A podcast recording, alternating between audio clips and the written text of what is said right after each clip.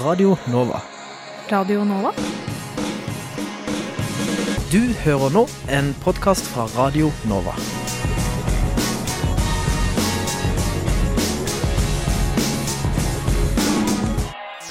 Studentnyhetene.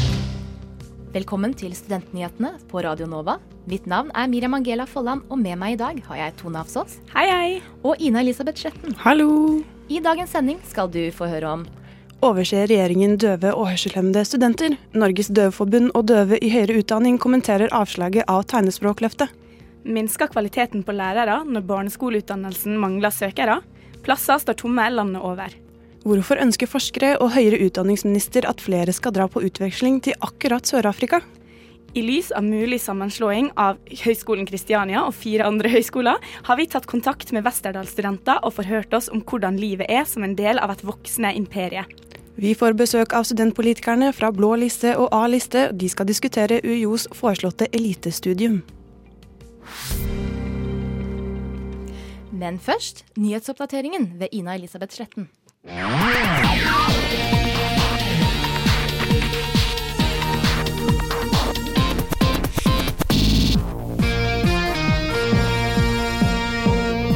Sensorer mister kredibilitet etter at nesten 40 klagende studenter opplever store karakterhopp uten tilsynelatende annen grunn enn flaks, ifølge Universitas. Vi gratulerer Kurt Rice, som har blitt gjenvalgt som rektor av Oslo OsloMet. For arbeidet videre sier Rice til Krono at de vil fortsette å utvikle kvaliteten på utdanningen og forskningen, og han ser fram til nye utfordringer og satsingsområder. Apropos Oslo OsloMet, det er også denne uken bestemt at skolen blir på Kjeller og dropper foreløpig nye lokaler på Lillestrøm, melder Krono. Kanskje lurt ettersom de sparer 17 millioner i året på avgjørelsen.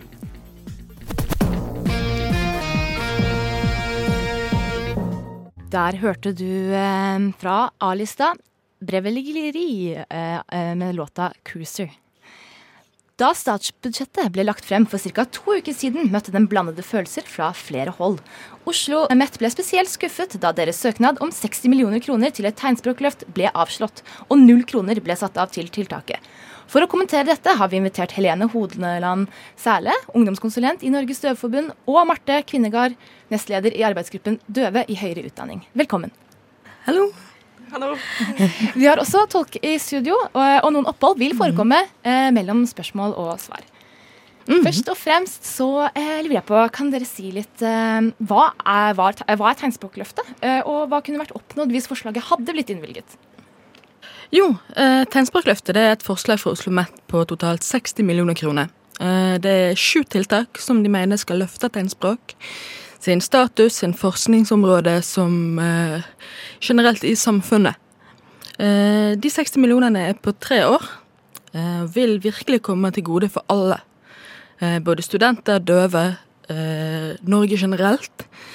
Men avslaget det betyr nå at døve vil fortsatt ha mangel på tilgang til samfunnet. Fortsatt mangel på eh, godt nok kvalifiserte tegnspråktolker, og tolkene går glipp av godt nok studie. For andre studenter, som f.eks. sykepleiere, vernepleiere, eh, politi, lærere osv., så, videre, så går de glipp av muligheten til å lære om døve og hørselshemmede som minoritet i sitt eget studie. Det vil gjøre at døve de mister tilgang til samfunnet og demokratiet, og egen ytringsfrihet. Så dette ekstratiltaket ble altså ikke vedtatt. Men hvordan har regjeringen ellers, eh, hvis noe, prioritert døve og hørselshemmede i statsbudsjettet i år? Eh, jo, nå har jo vi søkt om totalt godt over 60 millioner. Eh, Norges Døveforbund har også søkt om 1 million i språkpolitiske midler. Vi fikk en halv million, men det var ikke knytta til språkpolitikk. Det er generelle kulturmidler som er veldig lett å kutte senere. Fordi de ikke er putta inn i noe spesiell post. Hva kan skje da? Hva mener du med at det kan kuttes? Det betyr at uh, hvis regjeringen finner det for godt neste år, så kan de bare kutte dette, dette tilskuddet vi fikk i år. Okay. Fordi det ikke er putta sammen med de andre midlene, f.eks. samisk og kvensk. Det er alvorlig. Ja, eh, Og så var det også snakk om at utviklingen av et eh, masterstudie i tolkestudiet Per dags dato så ha, har studenter i tegnspråk eh, mulighet til å studere utover en bachelorgrad i, i Oslo? Nei, ikke i tolking eller i tegnspråk. Eh, hvis en skal ta master, så må en legge på i f.eks. Eh, mangfoldsstudie eller andre felt som en kan prøve å flette inn tegnspråk. Ok, ja, Jeg vil tilbake til det du sa om eh, kvensk og samisk. Eh, på Norges Døveforbunds sider så skriver dere, dokumenterer dere på at andre minoritetsspråk som kvensk og samisk får prioritering nasjonalt. Tegnspråk er et av Norges eldste og største minoritetsspråk, med antageligvis 30 000 brukere, men får ikke mye satsing. Vil du utdype litt på det? Er det en trend i dagens regjering at eh, de overser døve, hørselshemmede og de med sansetap eh, behov? Og eh, hva kan dette komme av? Om det er en trend, det er litt vanskelig å svare på, fordi at Ja, det er, lenge, det er, ikke så lenge siden vi søkte om språkpolitisk status. Men det vi har sett på i denne regjeringen, er at de ofte sier på at OK, så lenge rettighetene fins, så er alt løst. Uh, vi som minoritet, vi vet jo at det er ikke sånn det fungerer. Vi merker jo at rettigheter vi har vunnet, de er lett å miste. Og uh, rettigheter betyr ikke at løsningene er på plass. Et eksempel altså, det vi tenker er skuffende, det er jo at partiet som er sjølerklært tegnspråkparti, Venstre, de har både kulturminister og utdannings- og forskningsminister, og likevel så velger de å avsløre dette. Det er veldig rart for oss. Men hva kan dette komme av, tenker du? Det er vanskelig å spekulere i hvorfor. Eh, det vi håper på, er at utdannings- og forskningskomiteen gir om på dette her, sånn at vi faktisk kan få de pengene vi trenger, og det løftet som er enormt behov for. Hmm. Marte, hva gjør døve i høyere utdanning? Jeg kan kanskje starte med å si hva vi er. Vi er en arbeidsgruppe innen Norges eh, døveforbundsungdom. Og vi består av fem studenter som eh, studerer forskjellig. Og ja, så til det vi gjør um, Vi anser døve studenter um, De er ikke de studerer jo forskjellige steder i Norge, slik at det blir veldig vanskelig for dem å komme i, komme i, kontakt med hverandre. Så det vi gjør, er jo rett og slett å etablere et forum for døve studenter, hvor de kan komme i kontakt med hverandre og utveksle opplevelser og erfaringer. Og eh, vi representerer også døve studenter, som f.eks. i slike tilfeller som dette her. Eh, og vi har også et par prosjekter på gang. En av de er at vi lager en studenthåndbok for døve studenter. Så i den håndboken så er det kapitler om bl.a. tilrettelegging, eh, samarbeid med tolketjenesten, og hvordan eh, studieopphold i utlandet vil være. Så ja. Hva slags tilbud og muligheter har døve når det kommer til høyere utdanning? Um, I dag det, ja, i dag så ser vi at døve har, har på en måte full tilgang til høyere utdanning siden vi har tolk, uh, som kan tolke, tolke, i undervisningen. Og vi får med oss det som skjer. Men, uh, og vi har også rett til tilrettelegging i studiehverdagen og tilrettelegging ved eksamen. Men uh, når det gjelder det sosiale, altså det som skjer utenfor skolen, så har vi jo ingen foreninger som er for og av tegnspråkbrukere. Men eh, det vi har, er organisasjoner som heter SAFT, Røft og BIST. Og de er knyttet til tre forskjellige steder i Norge. Uh, Oslo, Bergen og Trondheim. Og de er det er så på en måte møtestedet der man kan møte opp og snakke med andre som er tegnspråkbrukere. Og det inkluderer både døve studenter og tolkestudenter. Hvordan stiller dere dere til statsbudsjettets manglende satsing på tegnspråk? Uh, vi mener at det er veldig skuffende, fordi regjeringen har inni uh, Venstre har vært veldig optimistisk og sagt at de vil satse på tegnspråk, men uh, det vi ser av statsbudsjettet, er at de gjør det motsatte, egentlig. Siden de ikke anerkjenner tegnspråkløftet og vi gir videre til det. Så, eh, så dere den Facebook-videoen der hvor de eh, partilederne liksom hadde lært seg tegnspråk. Og så er det liksom Det de sier, eh, er ikke helt likt som hva de gjør, da. Det, jo. Så du det? Eh, hvis en skal løfte statusen til tegnspråk, så er ikke det nok å legge ut en video på Facebook. Vi trenger faktisk handling og midler og løft. Ja, ikke sant. Men, men, hvor, ja, men, hvor, går da kampen videre? Hva må vi som samfunn gjøre for at det skal skje en endring? da? Jo, eh, to ting jeg har lyst til å ta opp. Det, er, det første er at vi må få tegnspråkløftet. Det andre er at vi er nødt til å få en språklov hvor tegnspråk, samisk, svensk, alt er nevnt.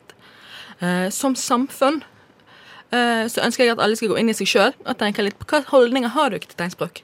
Eh, vi er nødt til å kvitte oss med negative språkholdninger. Vi er nødt til å slutte å tenke at tegnspråk er noe en skal ha behov for hvis en ikke prater godt nok. Alle døve barn har rett til tegnspråk. Alle døve barn har behov for tegnspråk og krav på tegnspråk. En må slutte å tenke at det er behovsprøvd, eh, som det er en del av i medisin og humaniora og spesialpedagogikk. Jeg må tenke at all språklæring er god språklæring, og at det viktigste er å få gode, fungerende barn. Ja, veldig bra sagt. Eh, tusen takk til Helene Hodeland Sæle fra Norges Døveforbund. Og til Marte Kvinnegård, nestleder i Døve i høyere utdanning. For at dere kom hit og snakket til oss om eh, dette avslaget på Tegnspråkløftet. Takk for oss. Ja. hyggelig. Og eh, om litt så skal vi høre litt mer om det økende problemet med at stadig færre velger å utdanne seg som lærere for de minste skolebarna. Tusen takk til dere, og eh, nå får vi en liten låt. Der fikk du avstand eh, av Calvert. Til tross for at lærer, øh, lærermangel blir et økende problem, og at øh, lektorstudiet er mer populært enn noensinne, står 138 skoleplasser tomme for utdanning for lærere for de yngste barna. Hvilke tiltak tas, og hvor omfattende er tallene? 138 studieplasser i Norge står tomme for de som vil bli lærere for de yngste barna. I motsetning til de fleste studieplasser hvor det er konkurranse om plass, mangler halvparten av studieplasser med utdannelse for å bli lærer for første til sjuendeklassinger søkere. Allikevel er dette en økning på nesten 14% Problemet er størst på mindre steder i Nord-Norge, Vestlandet og i Innlandet, trolig grunnet økt tilflytning til større byer og tettsteder.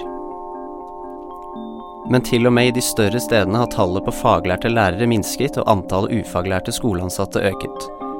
Dette har medført at Universitetet i Agder og Nord og høyskolene i Volda, Lillehammer, Østfold og Vestlandet har innstrammet antall elever på disse lærerutdannelsene.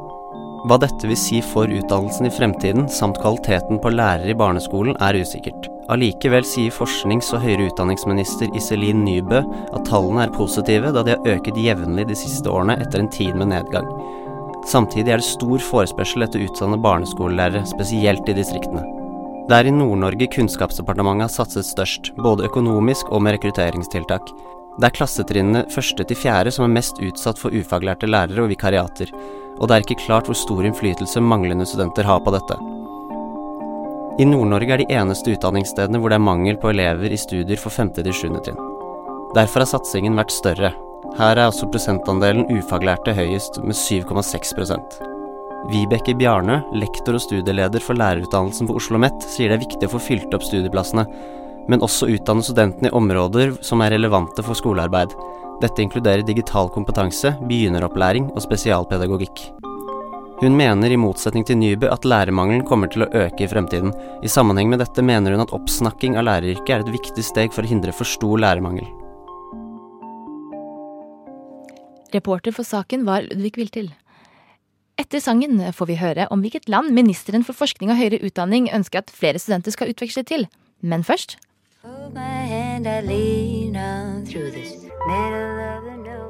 Never Say A av Konradsen fikk du der. Mange studenter velger å utveksle mens de tar høyere utdanning. De drar ofte til USA, Australia og andre europeiske land. Kun 17 velger å dra til Sør-Afrika. Dette vil høyere utdanning og forskningsminister endre på. Forsknings- og høyere utdanningsminister Iselin Nybø har som mål å sende langt flere studenter på utveksling til Sør-Afrika i fremtida, melder Krono.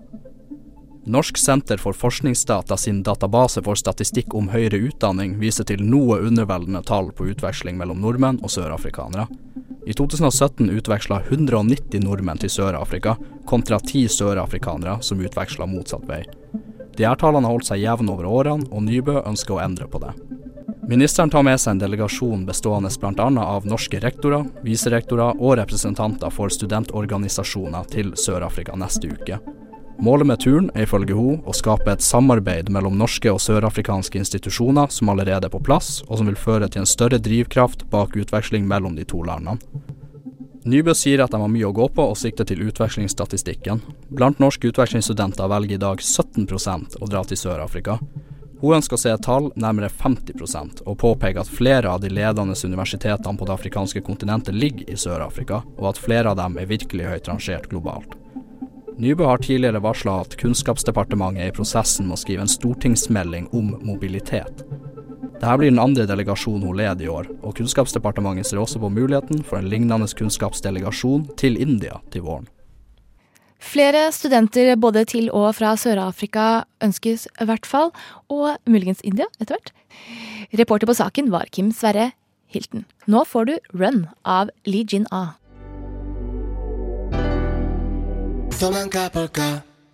Imperiet Kristiania heter overskriften på Universitas ferskeste forsidesak, i lys av at flere og flere private Oslo-skoler blir kjøpt opp av den sultne høyskolen, tok vi en prat med nåværende studenter ved Westerdals om hvordan det er å være en del av høyskolen.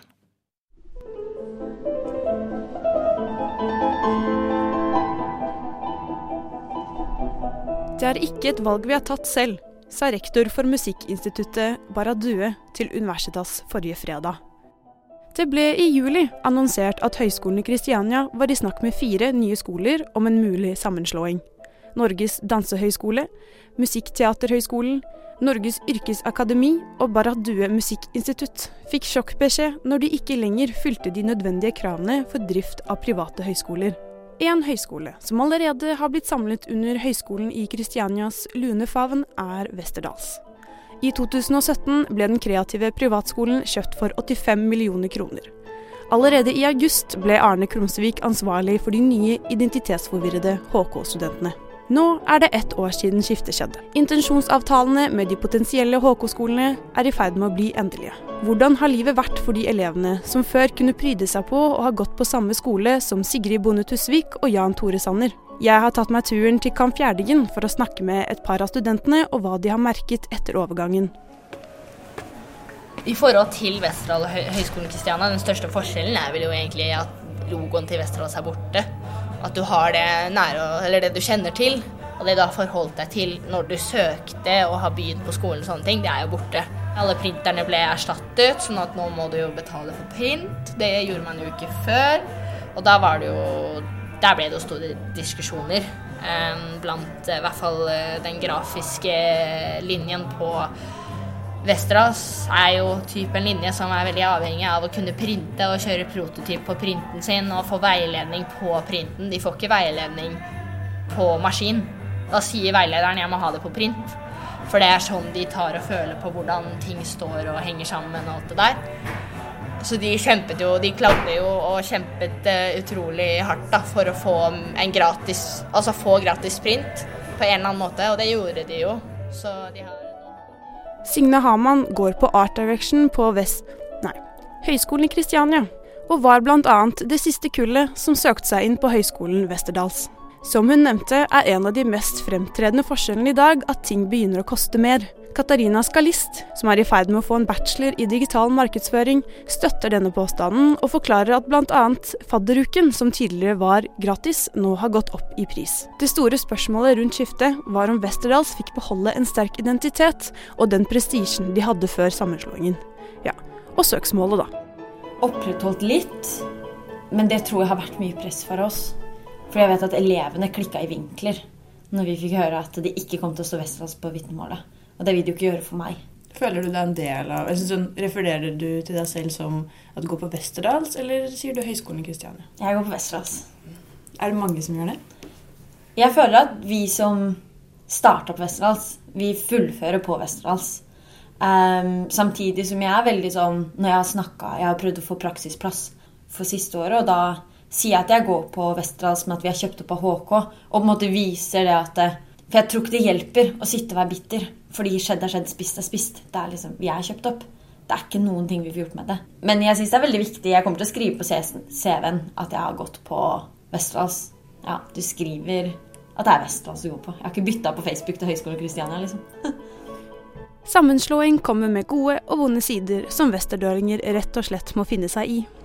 Det blir spennende å se hva som skjer framover. Til slutt lurte jeg på hva studentene tenkte rundt at Høgskolen i Kristiania er i ferd med å bli enda større, med flere skoler og langt flere studenter. Muligens et universitet? Jeg, jeg, tror kanskje det er litt mer status ute i bransjen å si det at du har gått på universitet. For det høres liksom litt sånn finere ut enn høyskole. Det er liksom sånn der Ja, du gikk på høyskole, liksom. For meg så høres det bare ut som det blir større. Liksom, universitet, da ser jeg for meg større. Jeg blir sånn Hvor skal du ha plass til folk?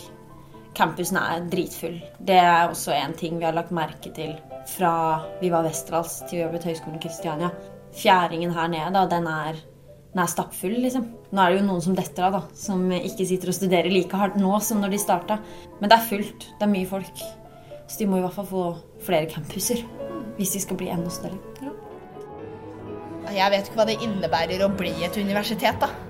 Um, men hvis det er sånn at vi må gjennom X-Fill, da tror jeg at det er mange Westerdals-studenter som kommer til å bite seg hardt i tunga, og nesten så de kravler seg inn på skolen i ren eh, demotivasjon. Eh, rett og slett fordi det er jo et mer teoretisk fag. Hvis det gjør at eh, semesteravgiften blir billigere, så hoho, kjør på. Men hvis det gjør at ting må bli mer teoretisk for de kreative studentene, så tror jeg man vil møte noen motstand.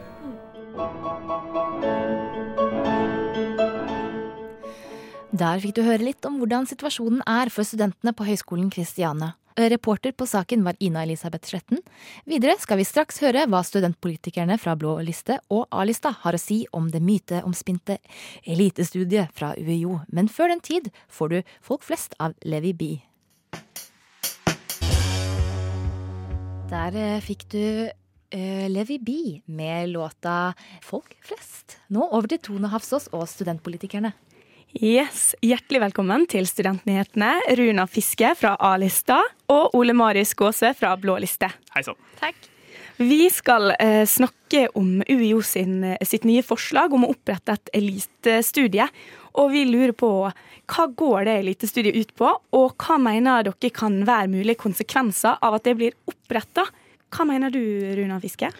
Nei, Dette elitestudiet det går jo ut på at eh, noen studenter skal få eh, muligheten til å fullføre et eh, en bachelorgrad på to år. Og vi i A-lista mener at muligheten eh, allerede er der i dag. Det er mange studenter som tar både 40 og 50 studiepoeng i semesteret, så vi mener at det er egentlig ikke et nødvendig tiltak. Det vil bare koste ekstra penger og vil eh, rett og slett kanskje fortrenge andres mulighet til å få oppfølging på studiet. Ja, Hva mener du, Ole Marius? Dette er helt fantastiske nyheter.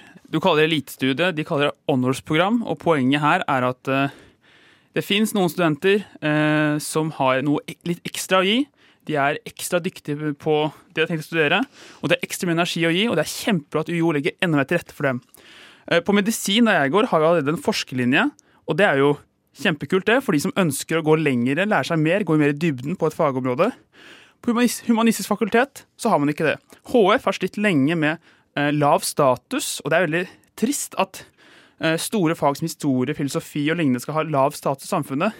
Hvis vi sitter og satser på folk på HF som har ekstra mye å gi, så tror jeg det er veldig bra for HFs status, og veldig bra for de studentene som kan ha lyst til å gå og studere der. Ja, eh, det forslaget her er jo, som er lagt fram, vil da opprette ei linje som på en måte blir en kombinasjon av MatNat, det matematiske og naturvitenskapelige fakultet, og HF, humanistiske fakultet. Og hva syns dere om valget av de studieretningene her for elitestudiet? Og hvorfor har, tror dere de har valgt akkurat de her, istedenfor f.eks. IT og sånne ting som kanskje er veldig viktig for arbeidsmarkedet i framtida? Jeg vet faktisk ikke hvorfor de har valgt akkurat det, men man kan jo tenke seg, man spekulere da, i at HF er på en måte er toppen av kunnskap i verden. Kunnskap for kunnskapens skyld. Filosofi er på en måte ultimate faget, slik jeg ser det på universitetet. Det er sivilisatorisk høyeste faget jeg kan, jeg kan tenke meg. Samtidig som det liksom ikke er noe nyttig. da. Det er ikke noe nyttig, liksom. ikke sant? Det er sånn studenter tenker, dessverre. Mens realfag er veldig sånn veldig logisk, veldig rett på. Kanskje det en kombinasjon av de to, da, for det er liksom to ytterpunkter. da. Hvor matte er liksom veldig sånn rett på sak, nyttig på en måte i verden, mens HF på en måte er mer sånn um, Med de store, tradisjonelle universitetsfagene som definerer universitetet. Mm, hva tenker du om det, Runa? Jeg kan jo være enig i at uh, man bare kan spekulere i hvorfor de har valgt akkurat HF og uh, Matnat. jeg er også enig i dette med at HF er mer kunnskap for kunnskapens skyld, mm. og det er viktig, det også. Veldig viktig. Så vi er enige om noe, i hvert fall. problemet også med dette honors-programmet er jo at finansieringa ikke er på plass. Man fikk ikke penger til å gjøre det i statsbudsjettet, og likevel så akter universitetet å gjennomføre. Og det mener vi at kommer til å gå utover de studentene som allerede går på programmene i dag. Eh, det går utover de som følger normert løp, vil få mindre oppfølging enn man allerede får. Og det er per nå ganske dårlig oppfølging mange steder allerede. Det er mange studenter som ikke er tilfreds, tilfreds med studieløpet sitt. Og vi mener at da er det uansvarlig å eh, starte et nytt program som skal eh, gå utover disse enda mer. Ja, Ole Marius, du sier jo at det er veldig bra å ha et tilbud hvor de elevene, eller studentene, som har litt mer eh, å gi, får på en måte litt større mulighet til å utfolde seg. Men det er jo bare fem poeng ekstra i semesteret som er lagt opp fra før av i det her. Og det er jo allerede mange studenter på UiO som tar 40-50 studiepoeng per semester. Og vil det da ha noe å si? Og vil det lønne seg å gå på det her studiet? Jeg vil jo anta at det er spesial, spesielt lagt opp, ikke bare at det er mange studiepoeng, men spesielt lagt opp for de studentene som ønsker å gå videre. Kanskje mer metodefag, kanskje, eller tilsvarende. Jeg vet ikke detaljene her. Men også det symbolverdien ved å ha et åndsprogram tror jeg er ganske stor. Som sagt, særlig HF-fakultetet dessverre har hatt Altså, vi snakker om at HF har hatt lav status, ikke bare i Norge, men i mange andre land, i lang tid. Og det er veldig trist, for som jeg sier, jeg mener at filosofi og historie er de på en måte høyeste fagene, for det er kunnskap for kunnskapens skyld i stor grad. Eh, og når det har lav status, så gjør det noe med fagene, det gjør noe med, med rekrutteringen, det gjør noe med eh, hvordan HF oppfatter samfunnet. Hvis vi har et honorsprogram hvor vi faktisk eh, får studenter som er, er, ekstra gira på, særlig HF er opptatt av her, da, så tror jeg det gjør noe med statusen til HF i samfunnet. Og det tror jeg er veldig viktig. Den symbolverdien er mye viktigere enn de antall studiepoeng du tar i løpet av et semester. Mm, hva tenker du, Runa, om eh, det med fem studiepoeng ekstra? Har det noe å si? Nei, altså det er jo ikke så mye mer enn studieløp sånn sett. Og som jeg sa i stad, så er det allerede mange som tar både 40 og 50 studiepoeng i semesteret. Det er også derfor vi mener at det ikke er nødvendig med et sånt program som kommer til å koste mer, når det er mange som allerede tar enda flere, og kanskje også tar flere metodefag, eh, og som klarer å fullføre en bachelor hvis de er ekstra gira på det på bare to år. De har jo muligheten allerede. Og når det da i tillegg med dette forslaget eh, vil gå utover finansieringa ikke er på plass, vi mener at det kommer til å gå utover disse som allerede følger et ganske tett program. Ja, nei, Vi skal snakke mer om det her straks, men først så skal du få høre eh, Step Away av Møblos. Yes, vi er tilbake i studio med Studentnyhetene på Radio Nova. Det du hørte, var Step Away av Møblos. Og vi er fortsatt i studio med Runa Fiske fra A-lista og Ole Marius Gåsø fra Blå liste. Og vi diskuterer den, det nye forslaget til UiO om å opprette et såkalt honors-program, eller et elitestudie, som mange vil kalle det. Og Runa Fiske, når et offentlig universitet oppretter et studie som oppfordrer til et statusskille mellom bachelorgrader. Hvilke implikasjoner kan det ha? Nei, Vi mener jo at det er eh, altså Når man kommer på et offentlig universitet, eh, når man kommer på UiO, som er Norges best rangerte universitet, så skal man ha lik tilgang på kunnskap. Eh, og dette kommer til å skape skiller i hvem som kommer inn. Det kommer til å være folk med veldig høyt snitt som kommer til å komme inn på disse, som skal få enda bedre oppfølging og kommer til å skape enda større skiller mellom de som ikke har så godt snitt, og de som eller som har ganske greit snitt, de som har veldig godt snitt. Og det mener vi er problematisk. Hvorfor det? Hvorfor er det problematisk at man eh, gir ulike studenter ulike tilbud? Det er jo problematisk når man får så ulike tilbud at de som Altså man reproduserer de forskjellene fra, helt fra videregående, da. Når man mm. ikke får tilgang til et studium som vil tilrettelegge for at man skal kunne enda mer. Samtidig vil jeg også gjenta det jeg sa i stad, om at det er mange som allerede tar flere studiepoeng enn det det er lagt opp til fra før. Mm i løpet av eh, studiene sine. Det er mange som tar 40-50 studiepoeng i løpet av et semester, og eh, som tar ekstra metodefag, sånn som du også foreslo. Mm. Eh, og da mener vi at det er ikke nødvendig med et eh, program. Hva tenker du, Ole Marius? Det har jo vært en suksess med forskerlinje på medisin. Så vet jeg også Det er forskerlinje på odontologi, altså tannlegestudiet, og på informatikk. Det har økt rekrutteringen til forskning, som har vært veldig viktig i medisin. Men de bruker også veldig mye ressurser på det. Det er veldig ressurskrevende av forskerlinje, og de tar kun de beste studentene, eller de flinkeste studentene, de som passer best. De har intervju, de har mye opptaksløsninger, så bruker de et ekstra år på å gå på det. Jeg syns det er veldig veldig bra. Jeg har, ikke, jeg har ikke gått forskerlinjen, men det er veldig bra at noen gjør det, at noen er villig til å gi litt ekstra, jobbe litt ekstra, ta ekstra fag, jobbe mer. For forskerlinjen fortsetter også utover ut studiet, og de må også jobbe mer på medisin, som allerede er et veldig tungt fag. Og jeg synes Det er bra at vi lar noen studenter gjøre det hvis studentene har lyst til å gjøre det. så det er kjempebra. Jeg føler ikke noe mindreverdighetskompleks i møte med det, så det er kjempebra at noen ønsker å ta det ekstra steget. Og da er det veldig bra hvis vi kan gjøre det på flere studieretninger, ikke bare realfag, informatikk, medisin, men også HF. Vi kan godt gjøre det på SV, flere fakulteter, fordi det er det det gjør noe, med, gjør noe med hva vi kan forvente av universitetet. Skal vi forvente at vi får de flinkeste og beste også ut av universitetet? Det syns jeg er viktig. Nå er jo en av de tingene UiO eh, frister med, en tettere oppfølging av professorer, eller at du får på en måte en personlig hva skal jeg si, mentor, da, en mentorordning. Og når det da tilbys kun 20 studieplasser i første omgang, da blir det jo altså veldig få studenter, og det blir veldig mange om beinet. Og da de aller beste som får tilbud på mer oppfølging, Syns du at det her er optimalt? Hvis disse, disse, søker mot stjernene, så er det veldig bra at universitetet bruker ekstra energi på det. fordi det blir på en måte universitetets ledestudenter. Da. Jeg syns det er helt OK. Jeg har ikke noe problem med det selv. Men selvfølgelig må ha oppfølging for alle studenter. Alle studenter skal ha det bra på universitetet, og vi skal, vi skal jobbe med oppfølging for alle studenter. Men det er gærent å bruke litt ekstra ressurser på de som virkelig vil nå langt. Det syns jeg ikke. Ja, Hva tenker du, Rina? Nei, Som eh, du sa da, så eh, at forskerlinja på medisin er veldig ressurskrevende. Og det vil det jo være. Det vil være ressurskrevende å ha et eliteprogram på andre fakulteter også. Og når finansieringa da ikke er på plass, man har ikke fått penger til det i statsbudsjettet, så mener jeg, eh, jeg og A-lista, at det er veldig uansvarlig å likevel gjøre det å starte et sånt eliteprogram. For det, er, det, det, kommer til å gå utover de som eh, følger normert løp. Og på HF eh, og SV, hvor jeg går, så er det ganske lite oppfølging per i dag. Man har ikke engang seminarer i halvparten av emnene sine. Det er altfor dårlig. Og da mener vi at man må prioritere det først, og løfte alle litt, før man kan løfte noen enda mer. Fordi det er mange som allerede, som jeg har sagt flere ganger, det er mange som tar flere studiepoeng enn det som, er, som det er lagt opp til. Mm. Eh, og da kan man gjøre det. Men vi mener at man burde få bedre oppfølging, alle sammen, før man skal løfte eh, noen få. Yes, vi begynner å løpe litt, eh, altså Tida begynner å løpe litt fra oss, men har du en siste kommentar, Ole Marius?